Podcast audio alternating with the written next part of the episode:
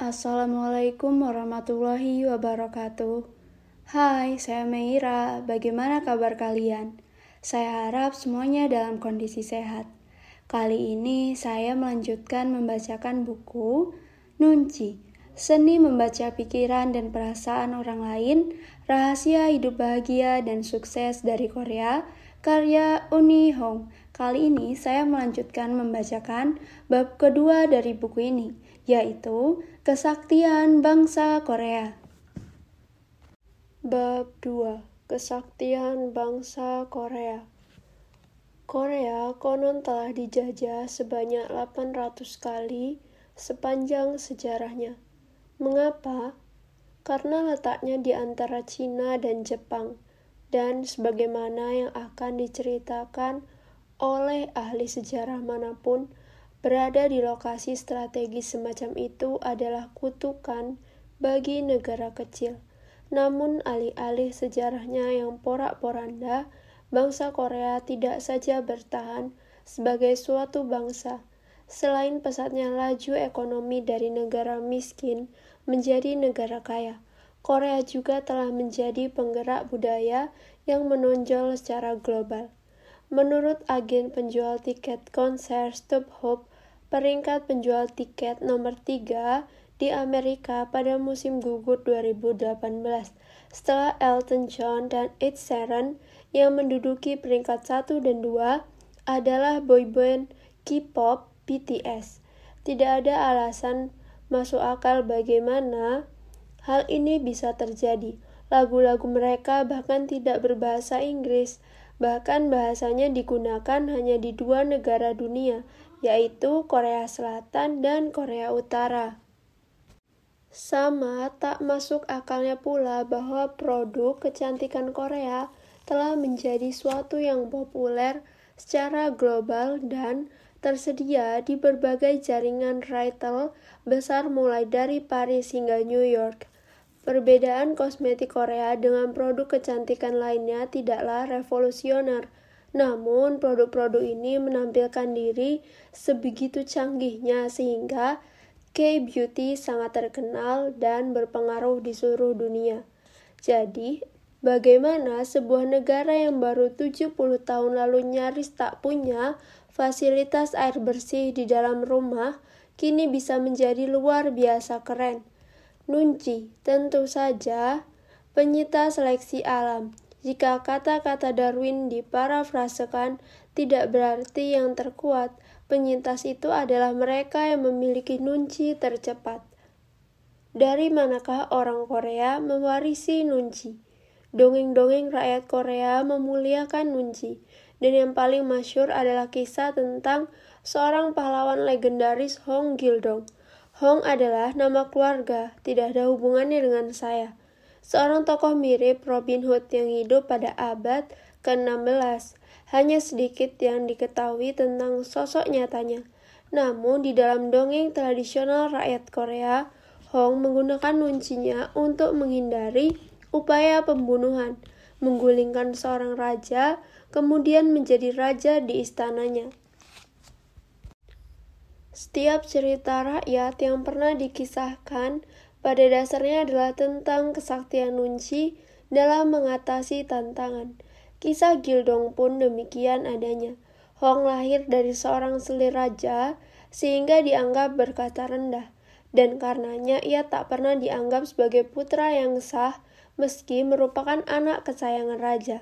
Karena kecemburuan selir kepala, Hong dipaksa meninggalkan istana dan harus hidup dari kecerdikannya. Dengan kata lain, dari nuncinya, Nunci Hong memungkinkan dia bisa membaca takdirnya, bahwa dia lebih baik meninggalkan rumah ketimbang dihabisi.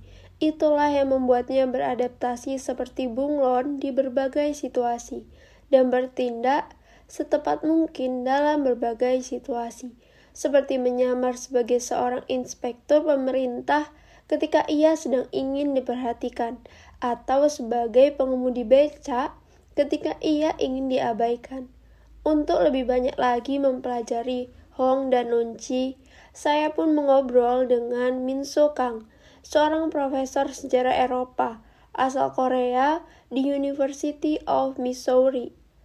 S. Lewis yang pertama kali menerjemahkan secara komprehensif kisah Hong ke dalam bahasa Inggris dengan judul The Story of Hong Gildong.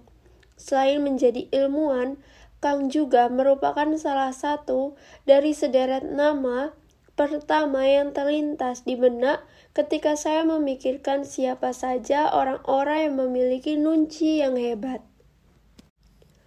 Kang menjelaskan mengapa Hong atau siapa pun di dalam masyarakat tradisional Korea terutama anak laki di luar pernikahan, akan membutuhkan nunci di dalam sistem kelas yang kaku dan rumit. Bahkan di dalam satu kelas pun masih ada kelas-kelas lagi.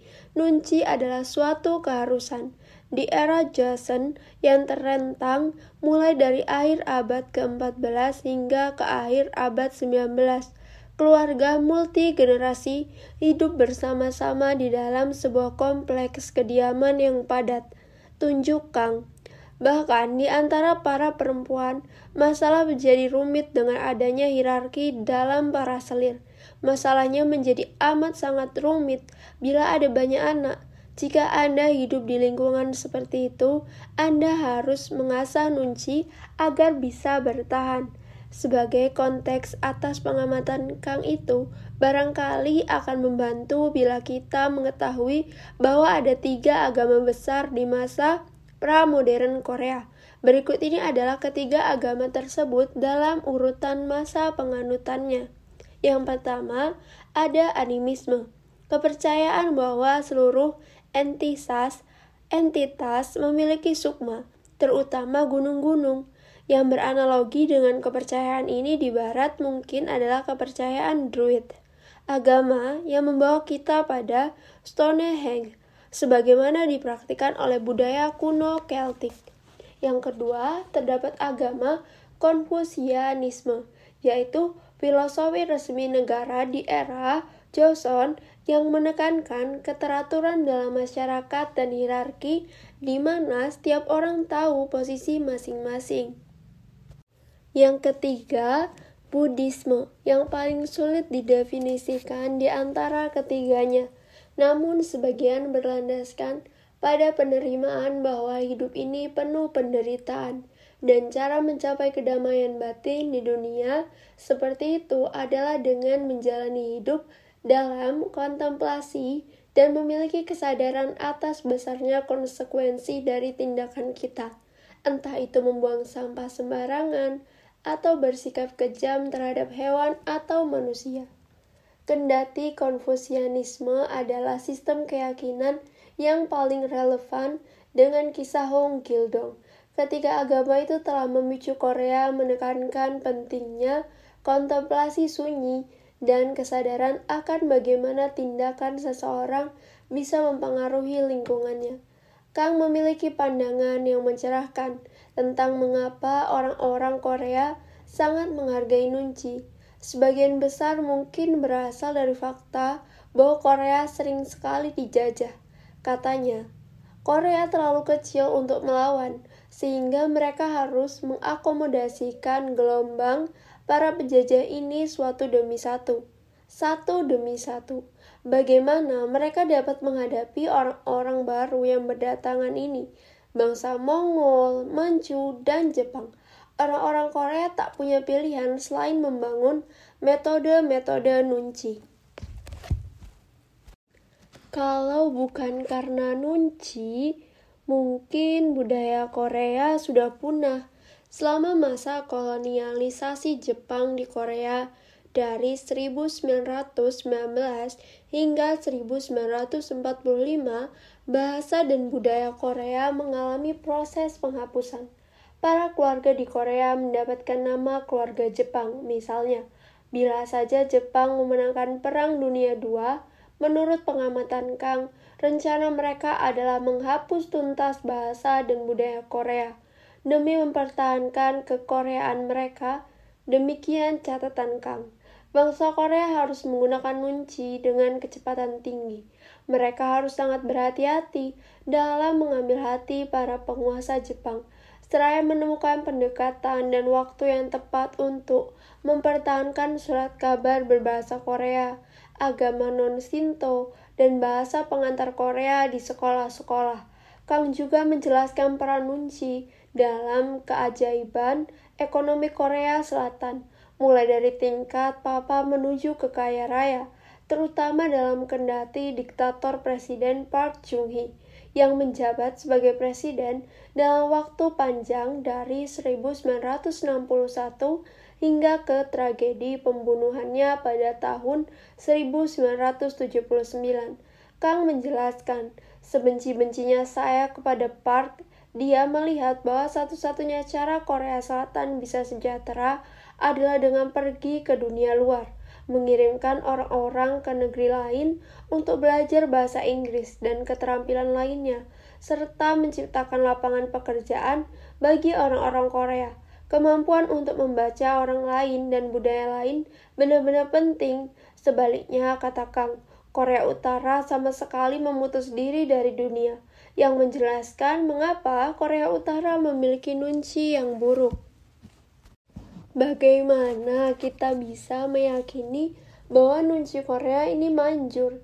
Satu hal saja, kini ada 70 juta penutur bahasa Korea, yang kalau dilihat dari logika historis seharusnya bisa saja nihil.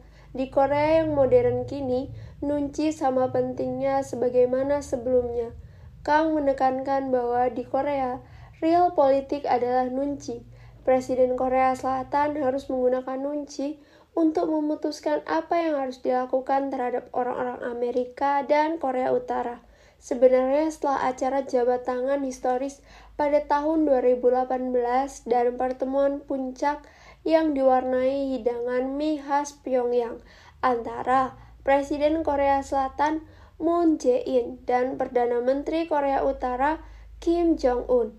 Banyak jurnalis di barat yang bingung yang bingung tentang makna kejadian itu.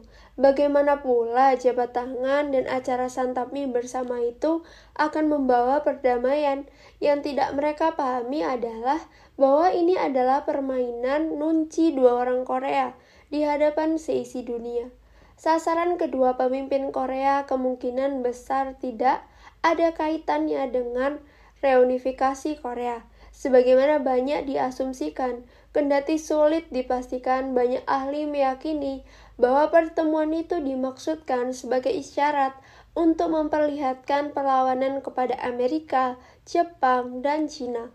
Bangsa-bangsa yang berasumsi bahwa mereka dapat diam-diam ikut campur dalam hubungan kedua Korea itu. Bila Anda mempelajari video Moon dan Kim saat keduanya bersama-sama, anda akan memperhatikan bahwa mereka muncul dalam simetri yang dikoreografikan dengan sangat hati-hati. Kendati tak seorang pun di luar lingkaran dalam yang tahu pasti apakah itu direncanakan sebelumnya. Jelaslah bahwa keduanya selalu saling bertindak berdasarkan gerak-gerik lawan bicara mereka. Itulah praktik nunci dari mulai sapaan pertama, mereka dengan hati-hati menunjukkan bahwa tak seorang pun lebih dominan atau lebih rendah daripada yang lain. Mereka membungkuk hormat dengan sudut dan durasi yang nyaris sama. Sewaktu keduanya berpelukan, mereka melepaskan pelukan pada saat bersamaan. Sewaktu mereka disajikan hidangan makan siang istimewa berupa mie gandum kuda Korea Utara, Keduanya menunjukkan menikmati sajian itu, tetapi dengan wajah santun yang tidak bisa dibaca dan menyantapnya dengan kecepatan yang kurang lebih sama. Jika salah satu dari mereka telah menyeruput mie dengan cepat dan memuji kelezatan sajian tersebut, sementara yang lain menyantapnya perlahan dan dengan mimik menikmati. Itu dapat diartikan sebagai pernyataan bagaimana perasaan mereka masing-masing terhadap Korea Utara. Keduanya senantiasa seiring selangkah. Inilah pertunjukan persatuan. Pertemuan puncak itu bisa saja adalah tentang bola basket atau konyak Hennessy yang sudah diketahui semua orang. Isi pembicaraan tidak terlalu penting ketimbang keseluruhan pertunjukan kekuatan dan kekuasaan seraya sengaja membingungkan pemahaman para pemain politik. Nunci masih saja terjalin di setiap aspek masyarakat Korea modern. Orang-orang barat yang berbisnis di Korea untuk pertama kalinya akan bingung sewaktu menemukan bahwa dalam pertemuan mereka yang pertama, kedua, dan ketiga dengan rekan-rekan bisnis Korea mereka, bisnis tidak langsung dibahas sama sekali. Di dalam beberapa kali pertemuan awal tersebut, orang-orang Korea mencoba memahami apakah Anda bisa dipercaya atau tidak, apakah Anda akan terus bertahan hingga tuntas, dan apakah Anda menatap mata mereka secara langsung, yang semuanya haruslah dapat tertelik oleh mata. Usai pertemuan puncak yang historis pada Juni 2018 antara Presiden Amerika Donald Trump dan Perdana Menteri Korea Utara Kim Jong-un, media Korea terus larut dalam keasikan meneliti Nunci secara mendetail menganalisis gestur, bahasa tubuh, dan berbagai tetek bengek yang seolah remeh pada kedua pemimpin itu. Banyak sekali sumber media Korea berkomentar bahwa jabat tangan Kim dan Trump berlangsung 12 detik, tergolong jabat tangan dengan tingkat kesenangan menengah. Di antara jabat tangan santai yang biasa dan jabat tangan Kiko yang terlalu lama, yaitu 19 detik. Antara Trump dan Perdana Menteri Jepang Shizo Abe. Media Korea juga menekankan bahwa sementara jabat tangan Trump dengan para pemimpin tertentu sering kali disamakan dengan semacam permainan tarik tambang. Masing-masing menarik tangan yang lain ke arah diri. Jabat tangan Trump dengan Kim tepat pada titik tengah jarak di antara kedua lelaki itu, dan kekuatan genggaman keduanya ternyata sebanding. Hanya sedikit sekali orang yang tahu pasti apa yang sebenarnya dibicarakan dalam pertemuan tersebut, tetapi media Korea Selatan secara jelas menginterpretasikan jabatan tangan itu untuk menunjukkan bahwa Amerika dan Korea Utara ingin menunjukkan bahwa masing-masing negara memiliki kerugian dan keuntungan yang sama atas satu sama lain. Skala Nunji Seorang psikolog Korea, Ji Hoon Ho, yang adalah profesor psikologi di Kyungpo National University di Tenggara Kota Daegu di Korea mencoba menggunakan nunci sebagai suatu template untuk mengobati pasien-pasien psikiatri. Ho telah secara kreatif menciptakan skala nunci sebagai suatu cara mengukur nunci secara objektif. Skala serupa telah digunakan selama beberapa dasawarsa dalam ilmu-ilmu sosial barat untuk mengukur harga diri, kepuasan terhadap hidup, dan kecerdasan empati atau EQ yang terakhir itu dikembangkan dan dipopulerkan oleh psikolog dari Cambridge, Simon Baron Cohen. Tim Ho menemukan bahwa nunci yang lebih baik akan membantu orang-orang menjalani hidup yang lebih menyenangkan. Skor tinggi dalam skala nunci berkolerasi dengan skor tinggi dalam skala harga diri, kepuasan hidup, dan empati. Tujuan jangka panjang riset ini adalah menemukan suatu cara untuk memberi terapi kepada pasien Korea dengan konteks khusus budaya Korea, dengan cara membantu mereka meningkatkan nunci mereka. Dalam sebuah penelitian, Ho dan timnya menyusun daftar pernyataan yang dalam pandangan mereka merupakan contoh-contoh nunci yang paling baik. Mereka kemudian menguji nunci 180 pelajar dalam rentan usia mahasiswa universitas. Pernyataan yang diperoleh oleh tim Ho muncul dengan takaran nunci individu yang mencakup berikut ini. Di sini jawabannya menunjukkan tingkat nunci yang tinggi. Yang pertama, saya merasa kikuk mengatakan sesuatu kepada seseorang tanpa mengetahui suasana hati atau pikirannya. Yang kedua, Walaupun seseorang mengatakan sesuatu secara tidak langsung, saya tetap memahami pernyataan yang tersirat. Yang ketiga, saya sangat pandai menebak suasana hati dan kondisi kejiwaan seseorang dengan cepat.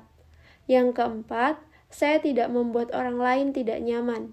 Yang kelima, dalam acara kumpul-kumpul saya bisa dengan mudah membedakan kapan waktunya saya harus pulang dan belum harus pulang. Jelaslah dari penelitian Ho bahwa individu-individu yang peka terhadap emosi orang lain dan mampu membaca situasi ruangan secara akurat, mendapati bahwa hidup ini lebih mudah ketimbang mereka yang tidak memiliki nunci.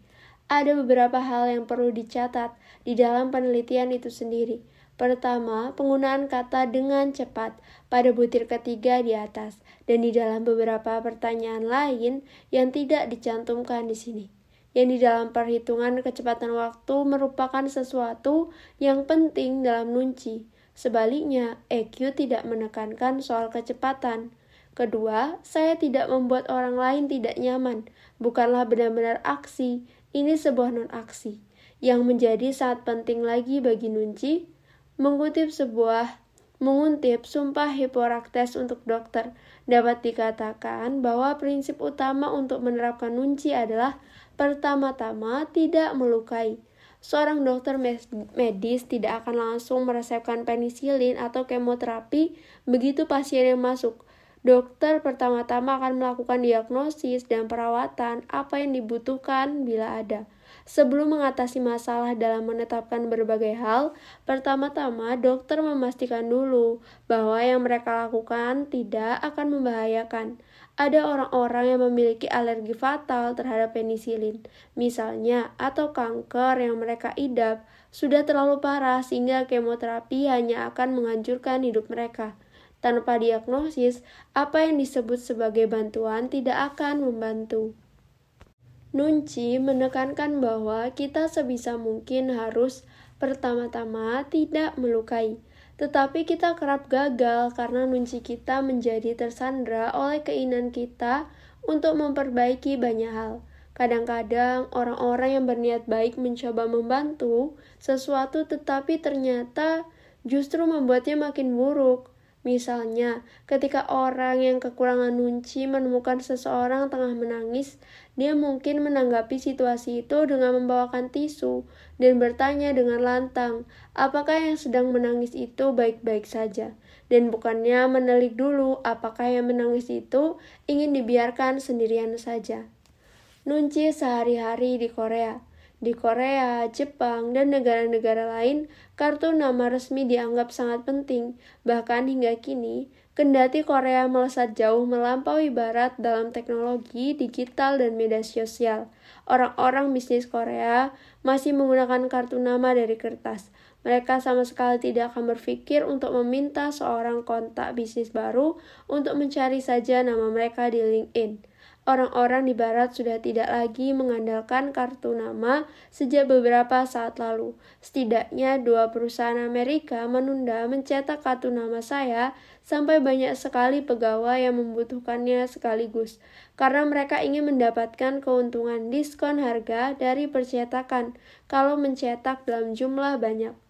Orang Korea akan terkejut bila diceritakan soal ini seakan atasan baru Anda mengatakan tidak ada tisu toilet di kamar mandi kantor karena mereka hanya menyetok selama musim obral pasca Natal. Di Korea, kartu nama merupakan perwakilan identitas Anda. Pekerjaan tanpa kartu nama bukanlah pekerjaan. Orang tanpa kartu nama bukan anggota masyarakat yang berguna. Di Korea, bila seseorang memberikan kartu namanya, Kartu itu ibarat perpanjangan tubuhnya sendiri. Mereka akan memberikannya kepada Anda dengan kedua tangan sambil membungkuk. Anda pun harus menerimanya dengan dua tangan sambil membungkuk. Anda memandang dan membaca kartu itu dengan sungguh-sungguh selama beberapa detik. Anda tidak boleh menyimpannya di dalam saku belakang, tidak menyelipkannya di dompet, tidak menggunakannya untuk menuliskan catatan atau menodainya dengan cara apa pun. Anda menyimpannya di dalam sebuah wadah yang dibuat khusus untuk kartu itu. Semua ini merepotkan dan itulah intinya. Dengan membesar-besarkan dan kelewat peduli atas sesuatu sepele kartu nama. Anda sudah menunjukkan kepada lawan bicara Anda bahwa Anda menghargai mereka lebih daripada kenyamanan diri Anda. Kecanduan rasa nyaman adalah musuh nunci. Menahan ujung lengan baju. Di Korea, sebagaimana di banyak wilayah mulai dari Timur Tengah hingga Asia Timur, dalam acara minum-minum bersama, Anda perlu mengisi gelas orang-orang lain terlebih dahulu sebelum mengisi gelas sendiri. Dan sewaktu menuangkan minum, Anda menggunakan tangan yang menganggur untuk menahan ujung lengan baju, tangan yang sedang menuang. Kebiasaan ini mungkin disebabkan busana orang Korea memiliki ujung lengan baju yang lebar menjuntai dan tak seorang pun ingin mencelupkan lengan bajunya ke dalam minuman seseorang. Namun mengapa pula orang-orang Korea tetap mempertahankan tradisi ini? Kendati era modern sekarang lengan baju sudah tidak lagi menjuntai. Kendati mereka sedang menggunakan t-shirt, mengapa mereka masih saja mencekal tangan telanjang mereka? Karena itulah cara untuk menutup jarak antara diri Anda dan orang lain. Anda menunjukkan rasa hormat kepada mereka dengan melakukan berbagai hal secara terperinci. Anda juga sedang mengirimkan pesan kepada otak sendiri agar sadar penuh pada momen itu dan mengakui keberadaan orang lain di depan Anda. Lagi-lagi, ini adalah aksi nunci yang menentang kenyamanan. Musuh utama nunci, ponsel pintar. Kalaulah ada bukti bahwa kita memang makin membutuhkan kunci sekarang ini, itulah kenyataan bahwa orang-orang yang berjalan sambil menatap layar ponsel pintarnya hingga bahkan tidak memperhatikan mobil seberat 2 ton sedang mendatanginya. Banyak orang sama sekali tidak menyadari bila ada sopir berseru kepada mereka untuk berhati-hati, karena masyarakat seakan-akan merasa bahwa adalah tanggung jawab si sopir untuk berhati-hati karena Anda sedang menggunakan telepon yang setara dengan bahkan lebih penting daripada tanggung jawab Anda untuk memperhatikan kedatangan sebuah mobil. Seandainya menatap layar ponsel itu membuat Anda menjadi tidak memperhatikan sesuatu sebesar mobil yang tengah bergerak, maka ponsel pintar itu juga akan menghalangi Anda dari pertanda-pertanda kecil seperti apa yang tengah dipikirkan atau dirasakan oleh orang-orang terkasih, kolega, atau atasan Anda. Anda mungkin sedang berada di sebuah bar dan menulis cuitan di Twitter, so happy, hashtag old friends rules, tanpa menyadari bahwa teman lama Anda sedang dilanda kesusahan sangat jauh lebih mudah menatap layar ponsel ketimbang memperhatikan apa yang terjadi di sekitar Anda. Namun, itu bukanlah kesalahan teknologi, itu salah kita sendiri yang memilih jalan yang lebih mudah ketimbang berurusan dengan ketidaknyamanan bergaul dengan sesama manusia. Bagi seorang ninja nunci, ketidakmampuan mengatasi situasi hening yang kikuk adalah suatu kelemahan. Sebenarnya, mencari pengalih perhatian sudah menjadi semacam kebiasaan mendarah daging kita, sehingga kebanyakan orang akan jadi sangat gugup bila mereka terbuai selama 30 detik dalam percakapan. Sampai-sampai kini sudah tak lagi tak dianggap tak sopan bila kita menatap layar ponsel di suatu acara pertemuan. Meminta seseorang untuk meletakkan ponselnya malahan dianggap tidak sopan. Para guru yang saya ketahui telah bersumpah untuk tidak membiarkan siswanya menggunakan ponsel di dalam kelas, kini hanya bisa menyerah. Keberadaan ponsel pintar belum terlalu lama untuk bisa kita saksikan pengaruhnya dalam jangka panjang. Namun demikian saya jamin bahwa bila segala sesuatunya tidak berubah, Orang-orang yang mampu melepaskan diri dari ponsel pintarnya dan mampu membaca ruangan pastilah akan menjadi orang-orang yang mencapai lebih banyak kemajuan di dalam hidup. Sebagian dari kita bisa melihat dengan gamblang bahwa media sosial bukanlah cara yang baik untuk membaca manusia. Karena itulah kita berkompensasi dengan melontarkan ungkapan hiperbola konyol, misalnya mengomentari gambar yang begitu menggemaskan sampai-sampai membuat internet kacau atau membuyarkan pikiran semua orang. Ungkapan deskriptif yang dapat Anda gunakan dalam bertatap muka seolah kurang memadai di media sosial, sehingga muncullah gaya bahasa yang dilebih-lebihkan. Sebagai contoh kecil bagaimana teknologi mengikis kekuatan nunci, kita semua punya teman yang terus-menerus diperdaya oleh orang-orang yang mereka temui secara daring. entah seberapa bijak dan lihainya Anda dalam berinteraksi secara daring. Sebaiknya Anda tidak terlalu percaya pada apa yang Anda pelajari di sana. Tidak ada yang dapat menandingi pertemuan tatap muka, karena Anda masih membutuhkan reaksi-reaksi langsung tanpa media dengan orang-orang di sekitar Anda untuk mengetahui apa yang mereka pikirkan. Anda tidak bisa memperoleh apa yang Anda inginkan dari manusia lain secara efektif bila Anda tidak dapat membaca mereka. Sesederhana itu saja. Jadi, bagaimana Anda mengatasi efek penggerogotan teknologi terhadap nunci? Anda dapat mengambil langkah-langkah kecil yang akan membuahkan perubahan besar. Pertama-tama, mengirimkan teks bermuatan emosi tidak akan berakhir baik Pesan pertama Anda adalah kepada orangnya, tetapi teks yang selanjutnya adalah kepada teks. Itu hanya ponsel. Anda berkomunikasi dengan ponsel lain. Tak akan ada yang terselesaikan dengan cara itu. Komunikasi tatap muka jelas merupakan cara terbaik untuk melakukan percakapan penting. Namun, bila orang itu sedang tidak berada di sekitar Anda dan Anda terpaksa menggunakan surel, Cantumkanlah kalimat tambahan berikut ini di bagian akhirnya. Yang pertama, nah bagaimana menurut Anda? Karena Anda peduli pada apa yang dipikirkannya, dan Anda tidak dapat membaca bahasa tubuh mereka lewat email. Yang kedua, mari kita bicarakan hal ini lebih banyak lagi bila kita bertemu. Dengan kata lain, carilah kesempatan untuk berbicara langsung. Lalu bertindaklah, ambil kalender dan tetapkan janji temu. Nunci bagi bukan orang Korea. Mungkin Anda berpikir, saya tak berencana pergi ke Korea. Apa gunanya nunci bagi saya? Apa yang membuat Anda begitu yakin bahwa konsep-konsep bergaya nunci tidak berguna di luar Korea? Pertimbangkanlah mengapa orang-orang melakukan bisnis penting sambil main golf, dan mengapa kencan pertama selalu lewat acara makan malam atau acara makan lainnya. Apakah untuk menghemat waktu dengan melakukan multitugas?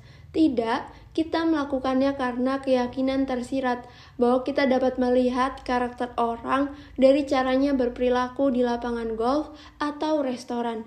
Nunci adalah sebentuk kecerdasan emosional Kendati pentingnya kecerdasan emosional dalam berbagai hal, mulai dari pengasuhan anak sampai menjadi bintang korporasi sekarang, sudah dipahami secara luas. Dalam praktiknya, banyak orang masih diam-diam menganggapnya tidak berguna. Andai orang-orang ini paham bahwa seluruh peradaban dibangun berdasarkan nunci, mungkin mereka tak begitu skeptis lagi terhadap kecerdasan emosional. Dahulu kala, nunci merupakan bagian penting filosofi dan agama klasik barat. Tentu saja tidak disebut sebagai nunci, namun nilai-nilai yang terdapat di dalam nunci sudah ada di sana pada zaman purba. Nilai-nilai itu dianggap penting pada zaman Yunani kuno dan oleh para filosof Romawi kuno, seperti Marcus Aurelius, yang menjadi penguasa di Emporium Romawi pada 161 hingga 180 Masehi. Di dalam bukunya Meditation, dia menulis saran-saran yang bernilai nunci seperti aturan pertama adalah menjaga agar jiwa tidak terganggu. Kedua adalah memperhatikan berbagai hal di wajah dan memahaminya sebagaimana adanya. Kitab Amsal di Perjanjian Lama menyarankan di dalam banyak bicara pasti ada pelanggaran, tetapi siapa yang menahan bibirnya berakal budi. Prinsip-prinsip berbau nunci juga amat-amat penting bagi umat Kristani di awal masa. Beberapa penganut prinsip itu seperti orang suci Kristen tertentu di abad pertengahan merujuk ke konsep serupa tentang permenungan atau pembedaan. Sebenarnya Santo Yohanes dari Damaskus penganut aliran Ortodoks Timur di abad ke-7 menuliskan kebajikan permenungan lebih besar ketimbang kebajikan-kebajikan lainnya dan merupakan yang paling utama di antara semua kebajikan. Menurut Dom Alsuin Reid, seorang kepala biara Ordo Benedictine di Prancis yang telah banyak sekali menulis tentang teologi. Di dalam konteks religius, kemampuan permenungan adalah proses membuang keinginan dan prasangka kita atas suatu situasi untuk menentukan apa yang mungkin menjadi kehendak Tuhan. Kunci permenungan adalah si pengamat mempertimbangkan dengan tenang seluruh faktor yang relevan sebelum keputusan dibuat hanya melakukan apa yang ingin kita lakukan bukanlah perpenungan. Kenyataannya, sulit sekali mengatasi prasangka yang sudah terbangun di dalam diri kita. Namun, dengan menyadarinya saja, setidaknya membuat kita bertanya, apakah kita bertindak mementingkan diri sendiri ataukah demi kebaikan semua. Soal apakah Anda peduli pada kehendak Tuhan atau tidak, kita semua belajar memandang situasi melalui jarak dan permenungan. Keyakinan tradisional barat ini cocok dengan konsep nunci. Namun di zaman modern ini, prinsip-prinsip seperti diam dan permenungan seolah sudah mulai disisihkan. Penekanan barat terhadap keyakinan pada diri sendiri dan penegasan individualitas secara khusus ditanamkan sejak dini pada anak-anak tidak ada yang salah dengan rasa percaya diri, tetapi terlalu fokus pada diri sendiri dapat berarti mengabaikan kontrak sosial. Tanggung jawab kita terhadap orang lain masih mungkin bagi kita untuk jujur pada diri sendiri dan memperlakukan orang lain sebagaimana kita ingin diperlakukan. Alih-alih hanya menuntut dunia, memberi kita rasa hormat yang kita pikir memang pantas untuk kita terima. Konsep-konsep nunci mungkin saja dianggap tidak pantas di masa modern ini, karena konsep-konsep ini menuntut Anda melakukan penilaian terhadap orang-orang berdasarkan bukti konkret yang sangat terbatas. Masalahnya di sini adalah kebanyakan situasi dalam hidup memang kurang sekali bukti konkretnya, dan kita tetap saja harus mencari cara yang benar untuk melaluinya. Nunci dapat menunjukkan kepada Anda bagaimana mendekati dunia dengan permenungan, bukan prasangka. Terdapat kuis singkat. Manakah di antara pernyataan berikut ini yang menunjukkan nunci yang cepat? A. Setelah minum teh, tuan rumah berkata kepada Anda, saya tak yakin apakah daging kambing yang saya beli cukup atau tidak, tetapi apakah Anda mau ikut makan malam? Anda menjawab, tentu saja saya makan menu pendampingnya saja. Atau B, dalam rapat di kantor, kolega Anda telah menuntaskan presentasinya dan berkata, Nah, bila tidak ada pertanyaan lagi, saya kira kita bisa istirahat makan siang. Saat itu Anda berkata, sebenarnya saya punya pertanyaan. Atau yang C, Anda tahu kebiasaan atasan Anda makan coklat untuk mengatasi kegalauannya. Jadi, Anda melirik dulu ke keranjang sampah kertasnya untuk melihat apakah ada bungkus coklat di sana sebelum mengajukan permohonan promosi. Atau yang D, Anda bergegas memasuki ruangan dan menceritakan sebuah lelucon. Jawaban yang benar adalah C. Dalam skenario ini, Anda berhenti sejenak untuk menelik pandang suasana hati atasan Anda, sehingga peluang ditolak menjadi menurun. Skenario A merupakan mimpi buruk tuan rumah. Sudah jelas mereka tidak menginginkan Anda tinggal lebih lama. Bila Anda berpikir, ya mereka seharusnya dengan spesifik meminta saya pergi, bila itu yang mereka inginkan, berarti Anda orang yang mengesalkan dan memaksakan sistem nilai Anda kepada orang lain. Mereka sedang berada di rumah mereka sendiri, dan mereka tidak wajib menggunakan cara komunikasi langsung alih-alih bersikap sopan hanya karena Anda suka gaya bicara seperti itu. Kalau B, isyarat bagi Anda untuk tidak mengajukan Pertanyaan adalah makan siang. Sedangkan untuk D, kecuali sebuah bangunan tengah kebakaran, tidak pernah pantas bagi Anda memasuki ruangan begitu saja dan mengatakan apa pun tanpa terlebih dahulu menelik pandang situasi di sana. Siapa tahu mereka sedang membicarakan serangan teroris yang baru saja terjadi sewaktu Anda masuk. Tidak memulai percakapan baru apa pun dengan lelucon adalah gagasan yang baik. Tidak ada yang akan membenci Anda karena memasuki ruangan tanpa lelucon. Baiklah, bagian kali ini telah usai. Terima kasih untuk teman-teman yang telah mendengarkan. Semoga mendapat banyak hal bermanfaat dari buku ini. Bagi teman-teman yang ingin memberi saran atau merekomendasikan buku untuk dibaca, bisa disampaikan melalui kolom komentar. Terima kasih, sampai jumpa di audiobook selanjutnya. Wassalamualaikum warahmatullahi wabarakatuh.